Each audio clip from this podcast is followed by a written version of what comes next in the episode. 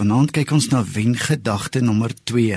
Onthou die eerste een was Filippense 4 vers 13 wat gesê het ek is tot alles in staat deur Christus wat my die krag gee. Nou vanaand se wengedagte nommer 2 is God het my onvoorwaardelik lief. Jy moet dit gereeld vir jouself opsê. Kom sê dit sommer 7 keer vanaand op nog voordat jy gaan slaap. God het my onvoorwaardelik lief. Jy sien, deesdae is daar soveel stemme wat met my en jou praat.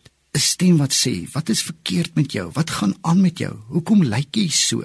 Jy sien, hierdie stem maak ons onseker. Dit maak ons minderwaardig. Dit rig ons om valse dinge oor onsself te glo. Kom ek en jy luister nie na die stem nie. Kom ons luister na die stem wat sê, "God het ons onvoorwaardelik lief."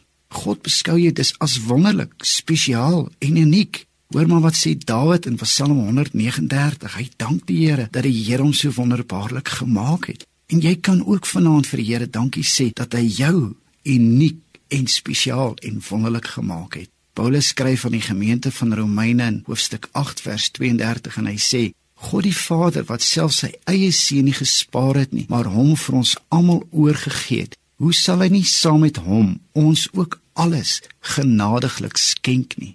Is dit nie 'n pyk aanduiding dat God jou hoog ag nie? Wat wil jy meer weet? Wat wil jy meer hoor dat God jou onvoorwaardelik liefhet? Nou ja, God verkies dat ek en jy vroom en gemaneerd en met waarde sal leef. Maar wat jy vanaand moet onthou is dat hy aanvaar jou vir wie en wat jy is. Wanneer jy in hom bly, begin hy om jou te verander na die beeld en gelykenis van sy seun. Hoe meer jy glo dat hy jou onvoorwaardelik liefhet, hoe meer sal jy hom wil behaag en dien. Is dit nie maar so in ons alledaagse lewe nie? Wanneer ek en jy weet iemand het ons onverwaarlik lief, dan dit mos nie moeite vir ons om vir daardie persoon ook terug lief te wees nie. God wil hê jy moet vir hom lief wees, nie omdat jy bang is jy gaan verlore nie, maar omdat jy agterkom hoe lief hy jou het. Hoe meer jy glo dat hy jou onverwaarlik liefhet, luister, sal jy hom graag wil behaag. Dis belangrik dat jy sal weet dat Jesus het nie vir jou gesterf om jou meer godsdienstig te maak nie.